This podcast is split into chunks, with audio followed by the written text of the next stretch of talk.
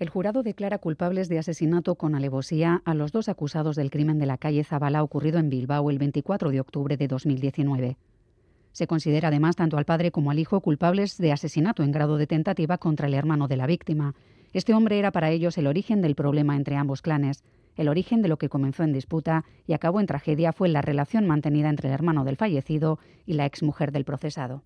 Soy Miriam Duque, la encargada de abriros esta Gambara Negra, un podcast de crónica negra en el que hacemos que ciencia, especialistas y pruebas hablen más que nosotros para recomponer la actualidad y tratar de entender la mente de quienes se escoran al lado oscuro.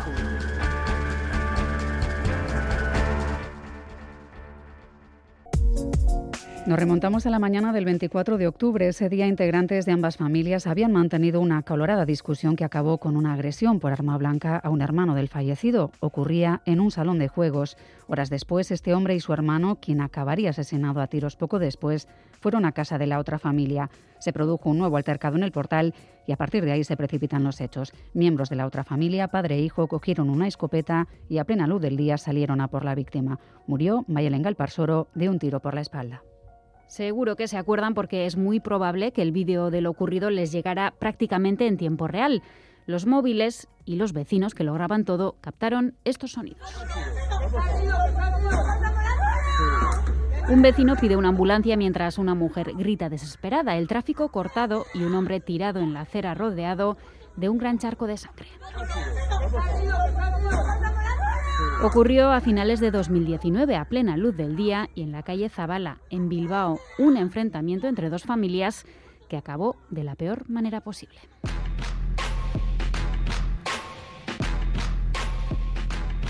Al parecer ambas familias mantenían una buena relación hasta que uno de los hombres mantuvo una relación amorosa con la mujer del otro.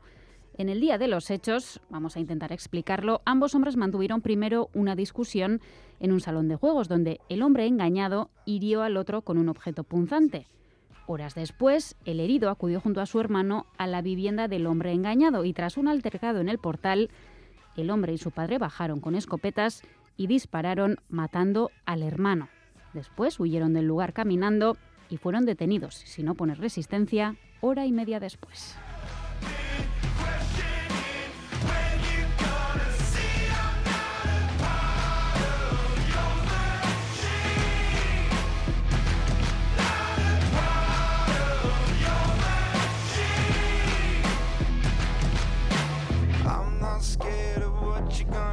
Como decimos, condenados dos hombres por un delito de asesinato consumado y otro en grado de tentativa. Vamos a conocer eh, la sentencia. Joseba Estrade es el abogado de la familia del fallecido. Joseba Estrade, bienvenido y gracias por atendernos. Hola, buenas. Tras dos días de deliberaciones, eh, han declarado culpables a los dos acusados del crimen, asesinato con alevosía. Entiendo que el jurado popular no ha considerado que hubiera premeditación. Bueno, en realidad la alevosía, una de las partes de la alevosía, se puede, el asesinato puede venir eh, también eh, caracterizado por la premeditación, pero en realidad la, esa fue, un asesinato alevoso en el sentido en el sentido de que buscaron una superioridad de medios y buscaron la indefensión de las víctimas. Mm. Por eso se caracterizó por la alevosía. En realidad la premeditación, cuando hay alevosía, normalmente queda subsumida. No sé si ha podido, eh, entiendo que sea, hablar con la familia con un poco más de calma, cómo valoran ellos la sentencia. Bien, en principio, si me dejas puntualizarte una cosa del relato, eh, es en principio la relación previa no era concretamente un engaño. Es decir, había habido un divorcio previo, un divorcio gitano previo, y la y la, la ex esposa de, Jonathan, uno de los autores, ya se había ido de Bilbao en aplicación de la ley gitana, etcétera. Posteriormente, cuando uno, el Jonathan, el que dispara, comienza una nueva relación, volvieron a Bilbao y sí hubo una relación, pero es posterior, es decir, no había un engaño. Otra cosa es que tuviera celos o que fuera una actividad de celos, pero no existía una relación de engaño, que podíamos decir. no, no, no estaba constante el matrimonio cuando se inicia la segunda relación. Eso me gustaría aclararlo porque ni siquiera se discutió en el procedimiento y quedaba claro. ¿eh? Correcto. Pues le agradecemos la, aclaración. Eh, entiendo que sí es verdad que ambas familias arrastraban un desencuentro fuerte antes de comenzar a celebrarse el juicio. Muy importante. Muy importante, sí. De hecho, eh, bueno, pues ya el, el propio magistrado se ve obligado a decretar que se proceda a celebrar la causa puerta cerrada por el riesgo de que se produjesen incidentes o agresiones entre las familias. ¿Cómo ha sido la actitud de, ambos acusados durante el juicio? Pues hombre, a mí me ha sorprendido mucho la actitud. La actitud de ellos ha sido la de unas personas que se está jugando muchos años en prisión. Pero a mí la de Jonathan, que es el hijo, me ha parecido el director de todas las de toda la familia, el que ha estado dando instrucciones a todos los abogados y el que se ha estado dirigiendo constantemente a los a sus familiares, etcétera. Ha habido como una especie de dirección de la defensa por parte de Jonathan. Eso es lo que he podido yo ver. El resto, el padre, que era un hombre de 72 años, ha estado casi siempre callado y tal, y bueno, ha cambiado totalmente su versión en el juicio, pero ha sido una persona más bien lacónica. Sin embargo, Jonathan, que es eh, el que el que dispara directamente contra David Goicoechea, a ese le he visto directamente con la batuta sobre toda la familia, etcétera. ¿De cuántos años de condena estaríamos hablando? Pues todavía no lo sabemos. En principio, totalmente en contra de mi opinión, el jurado ha entendido que se deben aplicar dos, dos atenuantes, entonces el fiscal pidió alrededor de 14 años, de 9 y tal. Yo, yo, yo estoy tratando de que se condene a 18 años por el asesinato eh, consumado y 9 años por el frustrado. Todavía la sentencia no se ha dictado, es decir, se ha dictado el veredicto y luego el juez aplica, aplica el veredicto. Es verdad que nos ha costado mucho entender los eximentes que se les aplicaban cuando oíamos hablar de anomalía mental, eh, la entrega voluntaria, bueno, pues puede ser más o menos más fácil de entender. Pero claro, por anomalía mental exactamente, ¿de qué estaríamos hablando? Hombre, eh, en principio yo también eh, nos costó a casi todo el mundo entenderlo. Es decir, eh, la forense en su día nos habló de una sobrevaloración de ideas relacionada fundamentalmente con su iglesia, que es la iglesia de Filadelfia, y fundamentalmente con su idea de familia, es decir, una sobrevaloración de ideas. Entonces, en principio ya me parecía muy confuso, siendo una religión eh, cristiana, es decir, que procede del cristianismo, exactamente qué tipo de, de ideas sobrevaloradas se pueden tener para disparar a quemarropa a una persona en la nuca. Pero bueno, yo no entendí nunca, no he entendido nunca ese tipo de atenuación que parece que el forense ha tratado de o ha, estimado que, que, hay en este caso, pero sería una eximente por eh, ideas sobrevaloradas. Para nosotros, claro, ideas sobrevaloradas nos hacía entender que tal vez respondían a sus propias leyes o que creían estar haciendo justicia, pero eh, tal vez no lo cogemos en el concepto exacto. En principio, eh, mezclado también, sí, en principio también. Pero bueno, yo a la, a la forense le llegué a, plantear una hipótesis, es decir, si estas personas están metidas en un bucle de sobrevaloración de ideas, amparado fundamentalmente por, el culto, es decir, por la iglesia de, de Filadelfia. Yo le digo en el caso, en el hipotético caso de un, de un terrorista islámico, con una sobrevaloración de ideas desaforada, por el cual, el cual atenta contra la gente en base a que va a ir al cielo, yo le pregunté, con esa regla de tres que usted me plantea, ¿se podría plantear una eximente? y la forense me dijo que era una cosa curiosa y que era de estudiar, con lo cual ya me pareció absolutamente descabellada toda la eximente. Pero bueno, en principio es lo que hay. Hmm, es una eximente a, estudiar, que sí, es verdad que hable parámetros. Nos sorprendió mucho porque no conseguíamos captar exactamente la esencia, es que se abren, pero vemos que es complicado. Puertas hmm. muy peligrosas ahí, muy hmm. peligrosas. Hay un momento en el que hablábamos de, cómo estaba la familia, hacíamos la corrección exacta de, ese divorcio y no mencionábamos eh, el estado de, la familia de, la persona asesinada. ¿Ellos han hecho alguna valoración de la sentencia o de pues, la nueva situación? En, principio eh, todavía estoy por verles y tal, pero bueno, en principio la viuda prácticamente ya no es persona, no era una persona tampoco de muchos recursos y tenía una dependencia mm, absoluta de su marido y entonces desde desde el, desde el asesinato pues está en una en un tratamiento de depresión en un declive personal importante entonces efectivamente le va a parecer bastante irrisorio lo de que se le aplique un atenuante por por cuestiones de tipo religioso. Hmm. Supongo que ha sido un caso complicado, ¿no? Por, por, los implicados, por la gravedad de los hechos y también por, eh, poco por las medidas de seguridad en el entorno del barrio y también de, los juzgados, ¿no? Ya había un filtro de entrada en los juzgados, que ya existe este filtro con las medidas de COVID y es prácticamente imposible entrar sin una citación nominal. Entonces, en principio no hemos tenido esa, esa conciencia, porque estaba la sala vacía y luego se ha puesto un biombo para que no se vean en el momento que han que han declarado las víctimas, la familia, pues se ha puesto un biombo para que no se puedan ver y en principio no hemos sido conscientes.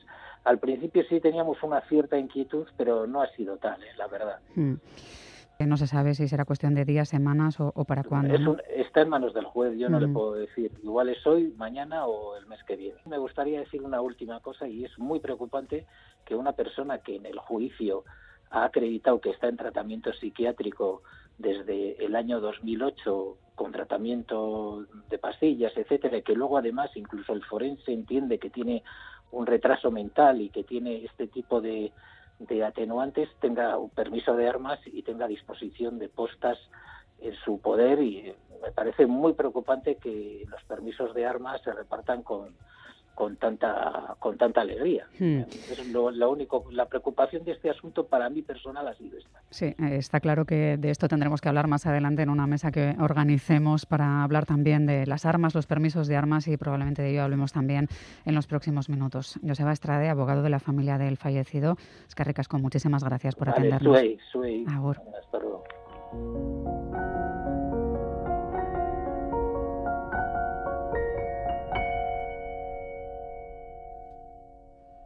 Nos acompaña también César San Juan. Él es profesor de Psicología Criminal y Psicología Jurídica en la UPV y criminólogo. César San Juan, ¿qué tal? ¿Cómo estás? Muy bien, ¿cómo estás? Pues con ganas de analizar este caso, que, es complejo, entendíamos algunos apartados mejor gracias a las explicaciones de ellos Eva Estrade, porque es verdad que nos costaba mucho entender esos eh, eximentes que se habían aplicado. Bueno, es, es difícil. Claro, una eh, tiene la sensación de que cuando empiezan los problemas entre ambas familias, una afrenta lleva a la expulsión del barrio de una de las dos familias, vuelven, se desencadena el crimen, que están implementando su propio sistema de justicia. César, no sé cómo lo ves desde el ámbito de la psicología criminal. Sí, en realidad eh, estoy bastante de acuerdo, muy de acuerdo incluso diría, con lo que ha planteado el abogado en relación a este atenuante ¿no? de la anomalía mental por sobrevaloración de ideas. En, en realidad lo que quiere decir esto es que dentro de un contexto social y cultural eh, eh, está normalizada, están normalizadas determinadas conductas. En este caso, eh, lo que habría querido decir la forense con sobrevaloración de ideas religiosas, en este caso, es que dentro de ese contexto social y cultural está normalizado reaccionar de esa manera violenta ante una afrenta relacionada con los celos. Pero eso en ningún caso es una anomalía mental, es que, es que es contradictorio. O sea, dentro de sus propios códigos, por decirlo así, de sus propios códigos de actuación, esto está normalizado, con lo cual nunca sería una anomalía mental. Otro, otro asunto distinto sería si, como lo acabo de oír al abogado, además, adicionalmente, tuviera una discapacidad mental el, el, el acusado. Pero Claro, una discapacidad, en, el ámbito forense lo que hay que demostrar es que eh, hay una relación de causalidad entre la discapacidad mental y el, acto violento. Y claro, eh, la, discapacidad, la discapacidad mental no está asociada al comportamiento agresivo. Es en todo caso, podría ser la capacidad de obrar, ¿no? Sí, pero no hay, pero no hay una relación de causalidad entre la discapacidad entre una discapacidad mental y coger una escopeta y pegarle un tiro a alguien, no hay una relación de causalidad. podrías, si, si, me dijeras, tenía una esquizofrenia paranoide y entonces en, el contexto de un delirio le ha pegado un tiro. Entonces sí hay una relación de causalidad, pero no hay una relación de causalidad entre la discapacidad mental y comportamiento violento.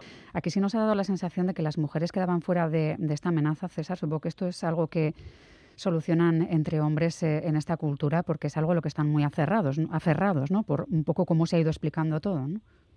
Claro, es una, digamos que son unos códigos culturales, mm, desde mi punto de vista, pues bastante primitivos. La mujer, como ha sugerido el abogado, pues no solamente está víctima, sino que la mujer en general dentro de esa cultura está totalmente ignorada y fuera de toda toma de decisión. Entonces, em, yo la verdad es que eh, insisto en considerar mm, pues, normales estos estos códigos de conducta dentro, de, un, de, una, de un referente cultural, por simplemente porque se trata de ese referente cultural, independientemente de de lo brutal que pueden ser las acciones, sería como decir que vamos, vamos a permitir la ablación femenina porque forma parte del, de la mm. sobrevaloración de ideas de una determinada cultura. Eso es inaceptable, es inaceptable. Mm. Es verdad que ya oíamos hablar de, todo esto antes de que comenzara el juicio, se hablaba de esa clara animadversión entre dos clanes, que mm. difícilmente, y hablo comillas, se podría resolver por los parámetros de justicia y democracia por los que se rige el resto de la sociedad. Lo decía el propio magistrado antes de que comenzara ese juicio a puerta cerrada y ya veíamos que, que iba a ser diferente en parámetros de análisis. Lo que sí parece, o sí da la sensación César, eh, tal vez tú tengas un mejor contexto, que esta situación de, venganza la heredarán los hijos de ambas familias probablemente, ¿no? Pues, me imagino que sí, ya sabes cómo son estas cosas, que sé que hay una transmisión casi genética de los conflictos ancestrales y probablemente dentro de tres generaciones no sepan ni a qué se debe la relación conflictiva pero seguirán e-, enfrentados, no se sabe por qué. Hmm. En fin, es un, es un bucle de muy difícil cortacircuito. Hmm. Sí. Tal vez la mediación, no sé si de algún departamento de acción social o, de qué departamento, pero habrá que implementar mediación entre ambas familias probablemente, o esa semilla quedará implantada. Sería muy claro, sería muy interesante intentar hacer todos los esfuerzos posibles para bueno, tratar de sentarlos en una mesa hmm. y, poder eh, gestionar esto de alguna forma para facilitar la convivencia social en el barrio. Hay mucha gente afectada si tantas familias enfrentadas así. Hmm. Pues esperemos que eso se vaya implementando poco a poco. Agradecemos el análisis a César San Juan, profesor de Psicología Criminal y Psicología Jurídica de la UPV, así como criminólogo. César, un abrazo y muchísimas gracias. Gracias a vosotros por llamar. Un saludo.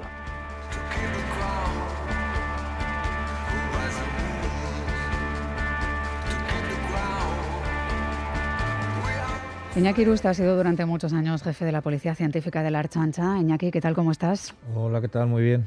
Y también nos acompaña Carlos Basas, experto en novela negra y exdirector de la Pamplona Negra durante mucho tiempo. Carlos, muy buenas. Hola, ¿qué tal? Hoy estamos hablando de un caso que, fue muy duro, Iñaki. Hemos venido analizándolo desde diferentes ámbitos eh, tras conocer esa condena a plena luz del día, delante de la familia de la víctima, con armas de caza. Lo mencionaba también eh, el abogado como la necesidad de, una reflexión. Quedaba claro que, bueno, por los disparos por la espalda y en la cabeza, que la intención era a matar. Supongo que el escenario, el análisis del escenario del crimen lo mostró desde un primer momento, ¿no? El alto índice de, de, violencia que se vio allí y la peligrosidad de las armas utilizadas. Estamos hablando de unas armas, en este caso que se dicen vulgarmente de caza, de calibre 12-70, de caza mayor estaríamos hablando, porque claro, se mencionaba durante las declaraciones de los expertos en balística de armas hechas, abro comillas, para abatir objetivos de entidad. Bueno, se pueden hacer uso eh, lo que es de caza y de caza mayor, dependiendo del tipo de, munición que se introduzcan en las mismas. Si a esa misma, eh, digamos, eh, escopeta se le introduce una, unos perdigones, pues valen lógicamente para el tema de la caza menos. Si les mm. introducimos una serie de postas o balas, entonces estaríamos hablando de caza mayor. Tenemos que ser conscientes de que las postas están inhabilitadas para el uso de la caza, ¿eh? simplemente vale para el tema del tiro. En cada cartucho de postas vienen entre 6, 8, 9, para entendernos no son más que bolas, bolas de, en este caso de plomo de acero, que lo que hacen es el efecto de una bala de cada una de ellas, es decir, cada posta sería prácticamente como si fuese una bala.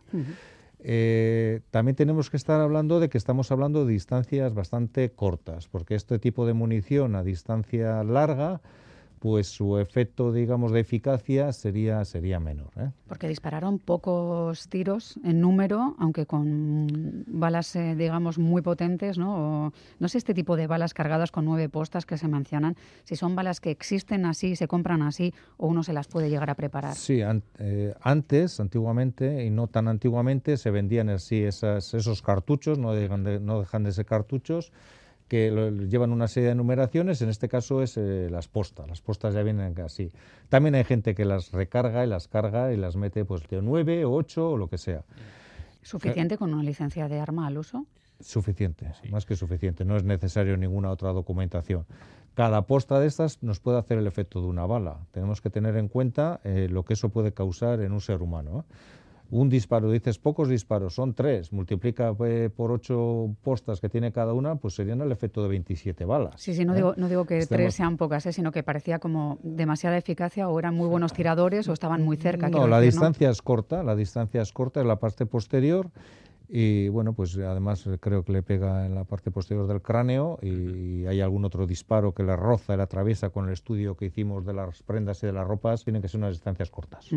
Carlos, se ejecutan el crimen y con aparente calma se marchan, ¿no? Que, bueno, cuesta creer, eh, visto la virulencia del momento, que el otro hermano, el hermano del asesinado, escapará con vida de la situación. Sí, bueno, es, es, es, toda una situación de, de, como se suele decir, de película, ¿no? Eh, yo os voy a hablar de, de posta de permisos de armas, de escopetas, yo que he sido tirador al plato durante años y he estado federado, sí, bueno, uno iba a la tienda, compraba su caja de cartuchos tranquilamente y, esas escopetas yo tiraba con una vereta y esas escopetas son absolutamente letales, o sea, es, eh, es, tremendo. Y, y, uno aprende a manejarlas en nada, se saca el permiso de armas eh, relativamente con poco esfuerzo se federa y bueno, ya se puede comprar una escopeta que tiene que registrar, lógicamente, eso sí, pero vas y compras las postas y, y bueno, es, es, es, es, una, es una historia como muy como muy impactante, ¿no? Muy fuerte. Y sobre todo lo que comentaban antes, eh, tanto el abogado como en la segunda entrevista, el, el, sí, el tema de, determinadas eximentes. Yo que soy muy crítico con el tema de las eh, eximentes, eh, como el alcohol o como las drogas, a mí no me parecen atenuantes, en todo caso me parecen otra cosa. Sí, es verdad que a veces socialmente entendemos que habría cuestiones que parecen agravantes y resulta que pueden utilizarse como eximentes en, un juicio, ¿no? Un con niveles de alcohol, por ejemplo, y cosas así. Sí, pero bueno, ya sabes, también en este caso, como, como hablaba el abogado, pues eh, el jurado lo ha entendido así. Ahora esperaremos a que el juez dictamine los años de, condena. Y, pero sí, a, veces los legos eh, en, derecho eh, hay ciertas cosas que no entendemos. Incluso la, propia terminología muchas veces se nos hace absolutamente extraña. ¿no? Yo que para algunas novelas me he tenido que documentar y sentarme con abogados y con, jueces, pues te das cuenta de que muchas veces el castellano legal no es el mm. equivalente al castellano popular. ¿no? Sí, es verdad. ¿eh? Y a veces, Iñaki, ya lo hemos mencionado en alguna ocasión, que a mí me cuesta creer, porque hablamos, si no me equivoco, de una semiautomática y de una superpuesta. Una repetidora, ¿no? Sí, que, que sea tan fácil conseguir armas tan potentes, ¿no? Que baste con tener el dinero suficiente para comprarlas y el permiso de armas, que veo que si había algún nivel de discapacidad tampoco ha sido ¿no? óbice para conseguirlo. Pues eh, sería para un debate, sería para un debate profundo. Eh, cómo se consiguen hoy, sobre todo no tanto en el tema de las eh, en el tema de la adquisición de las armas, que creo que ha habido recientemente una modificación de la ley en la cual ya no se van a adquirir por eso de mil anuncios. De hecho, creo que la última subasta se ha realizado también de armas, con lo cual ya también va a ser más complejo el adquirir las mismas pero sí que habría que hacer una revisión un poquito más en profundidad sobre el tipo de personas cuando van a pasar estos test, digamos, eh, denominados psicotécnicos. ¿no? Sí, dicho, dicho lo cual, si alguien tiene intención de matar, encontrará el arma para hacerlo. Y este es uno de esos casos. Si no hubiera sido una escopeta, hubiera sido, ya no digo un cuchillo, estoy, estoy hablando de un machete, que también puedes adquirir vía internet. Eh, eh, un machete, un golpetazo de machete en el cuello es eh, igualmente eficaz.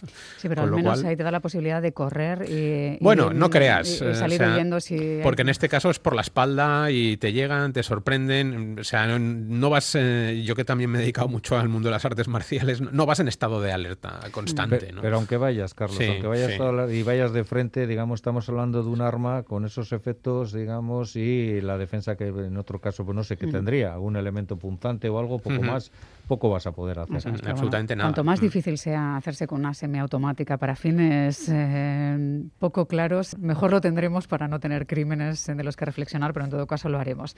Vamos a abrir un espacio mm, llamado basado en hechos reales.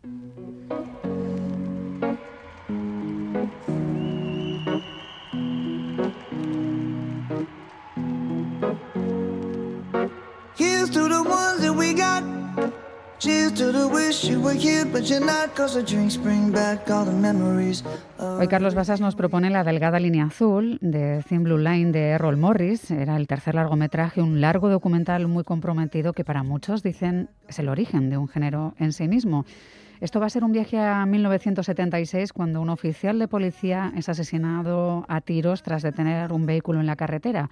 Dos personas se suben en algún momento a ese coche, Randall Adams y David Harris. Ambos son sospechosos, pero varias circunstancias llevan a que Adams sea declarado culpable.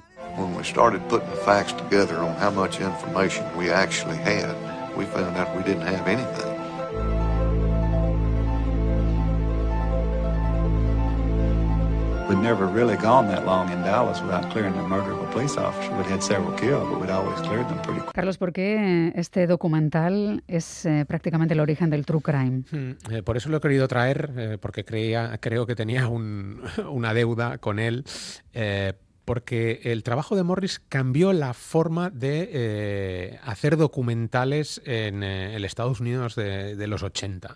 Hasta ese momento imperaba un tipo de documental eh, muy objetivo o muy pretendidamente objetivo, muy aséptico, en el que no había huecos siquiera para determinadas entrevistas y muchísimo menos para hacer recreaciones criminales de determinadas escenas.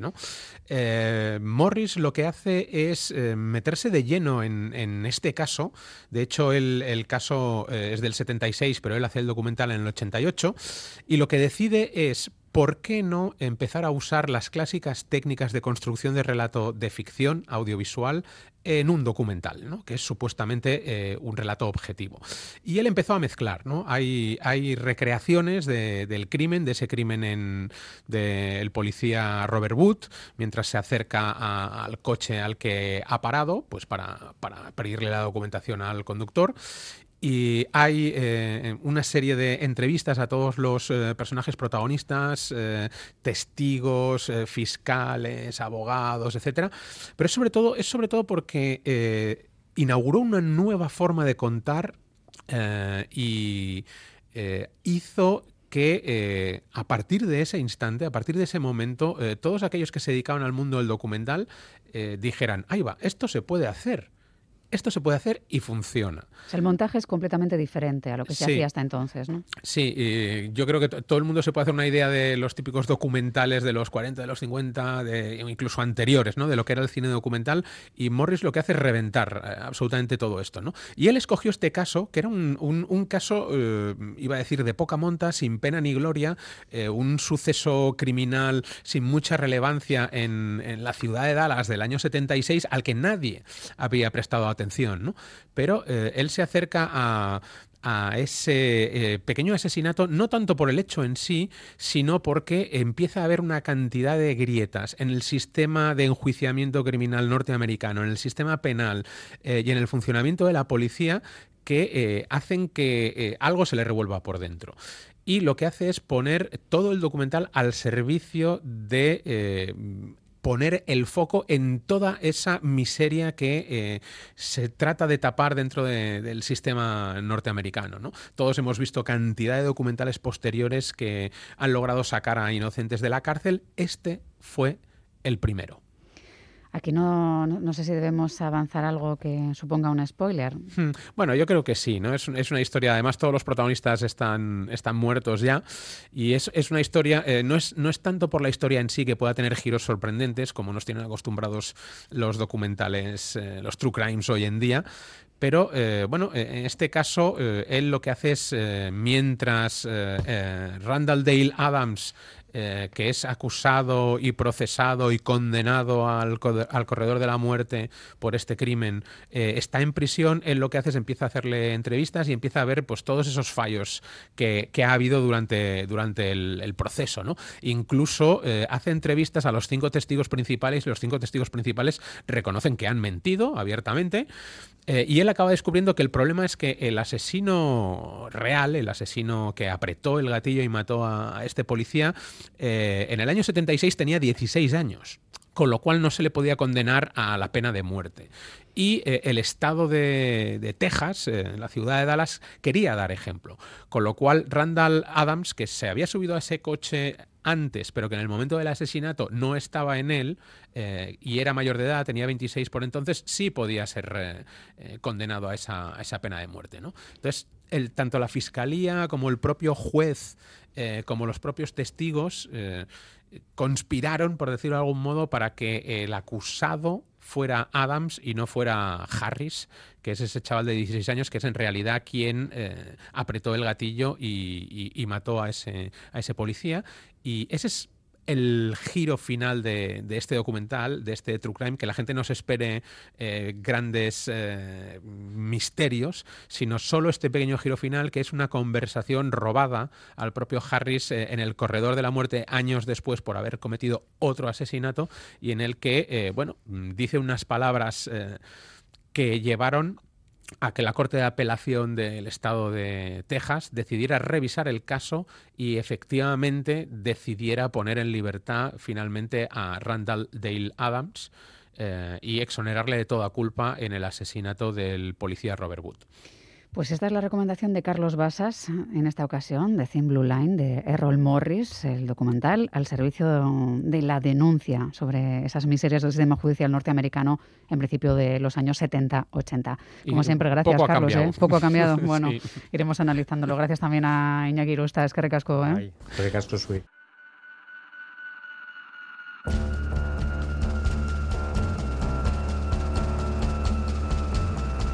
Gambara Negra, el podcast de crónica negra e investigación de EITB Podcast.